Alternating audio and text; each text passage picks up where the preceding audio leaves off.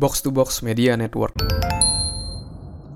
Hai, Sandras Bordes dan pada podcast kali ini saya mau sharing tentang gimana sih caranya kamu bisa mendengarkan orang lain. Ini adalah sebuah skill yang tidak kalah penting dari skill public speaking.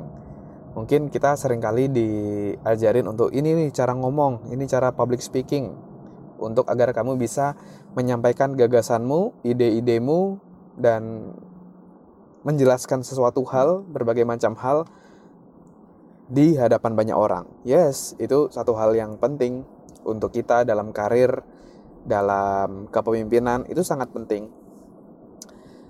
Tapi ada satu hal lagi yang yang yang kadang terlewat oleh banyak orang, terutama oleh banyak leader, pemimpin, yaitu adalah satu yang namanya kemampuan dalam mendengarkan. Ya, bisa notes di sini bukan hanya mendengar, oke, okay? bukan hanya mendengar, tetapi mendengarkan, oke. Okay? Dan ketika kita memiliki kemampuan ini, itu kita bisa membuat orang merasa jauh lebih spesial karena dia merasa dihargai, merasa didengarkan dan itu akan membuat dia menjadi jauh lebih happy. Oke. Okay?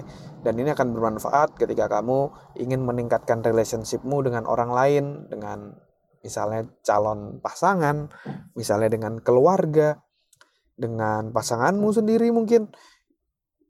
Kamu bisa jadi jauh lebih dekat gitu ya dengan orang lain ketika kamu bisa mendengarkan mereka. Ada beberapa tips yang mau saya kasih untuk bisa kamu segera praktekkan gitu ya ketika kamu mau bisa lebih mendengarkan orang lain. Tips pertama adalah memiliki mindset mendengarkan bukan untuk menjawab. Banyak orang yang mendengarkan orang lain tapi di pikirannya itu dia sudah menyiapkan apa yang mau dia sampaikan selanjutnya. Jadi dia tidak fokus untuk sungguh-sungguh mendengarkan apa yang kawan bicaranya bicarakan, tapi dia sibuk untuk menunggu momen untuk menjawab dari ceritanya tadi. Nah, itu pasti sangat-sangat agak kurang menyenangkan untuk bagi orang yang sedang uh, bercerita gitu ya karena dia merasa tidak didengarkan. Karena dia tahu bahwa pendengarnya tadi tuh dia nggak fokus sama dia dan itu sangat-sangat menyebalkan dan justru akan membuat orang tadi menjadi ilfil.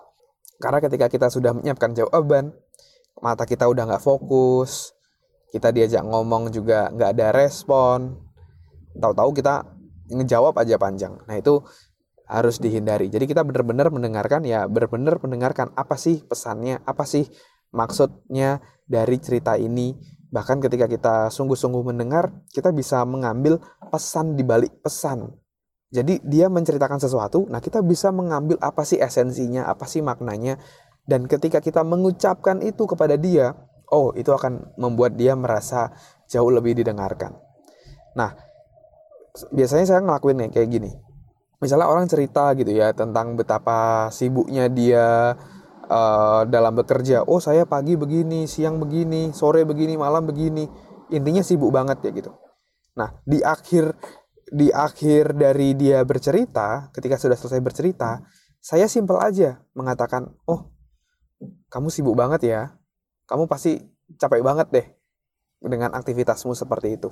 Nah, jadi meskipun dia nggak bilang capek gitu ya dalam bekerja, tetapi ketika kita ngerti bahwa dia bekerja sibuk banget dari pagi sampai malam, bahkan sampai kurang tidur, ketika kita mengatakan, oh ternyata kamu sibuk banget dan kamu pasti capek ya. Nah, itu akan menunjukkan adanya satu yang namanya empati, bahwa kita bisa merasakan apa yang dia rasakan. Dan yang bercerita tadi, itu akan merasa, dia ngedengerin saya, dia ngerti sama saya, bahkan saya nggak bilang capek pun dia tahu bahwa saya tuh lelah gitu secara fisik secara mentally karena pekerjaan saya full banget.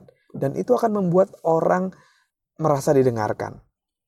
Jadi kita jangan langsung sibuk di pikiran mau jawab apa tapi benar-benar sungguh-sungguh mendengarkan dan sesimpel kita memberikan respon dan menunjukkan bahwa kita memahami pesannya kita bisa hanya mengulang aja oh ternyata kamu sibuk banget ya. Tadi kan mengulang. Terus ditambah oh pasti kamu capek banget ya. Nah itu dengan mengulang uh, kita make sure bahwa kita juga mengerti apa yang dia sampaikan dan dia juga mengerti bahwa kita benar-benar sungguh-sungguh mendengarkan. Dan ketika kita mengatakan pesan di balik pesan tadi bahwa oh kamu capek ya itu udah another level.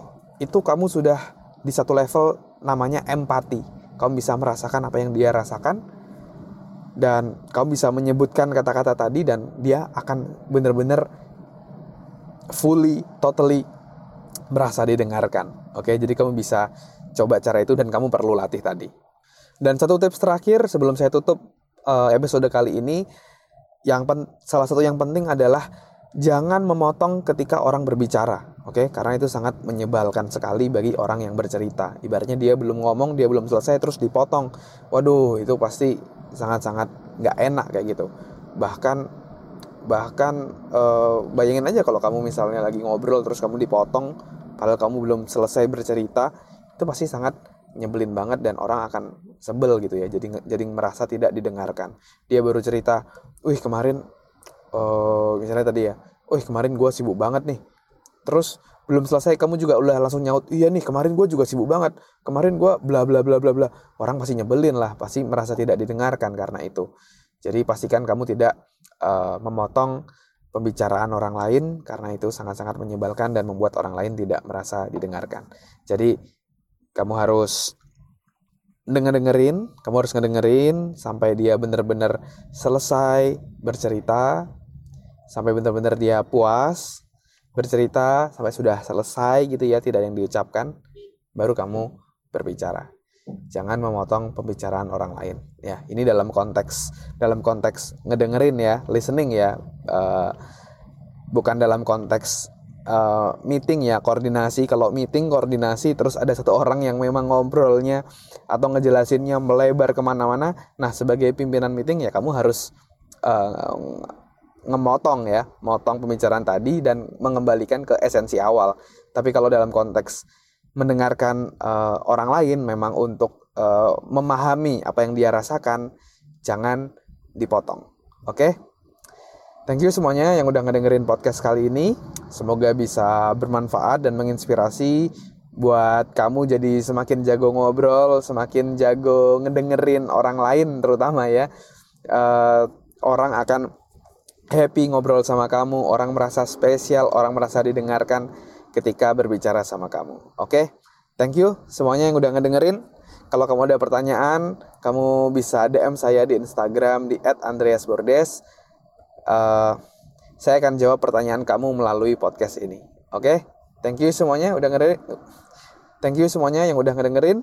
Sukses selalu untuk kita semua and keep healthy.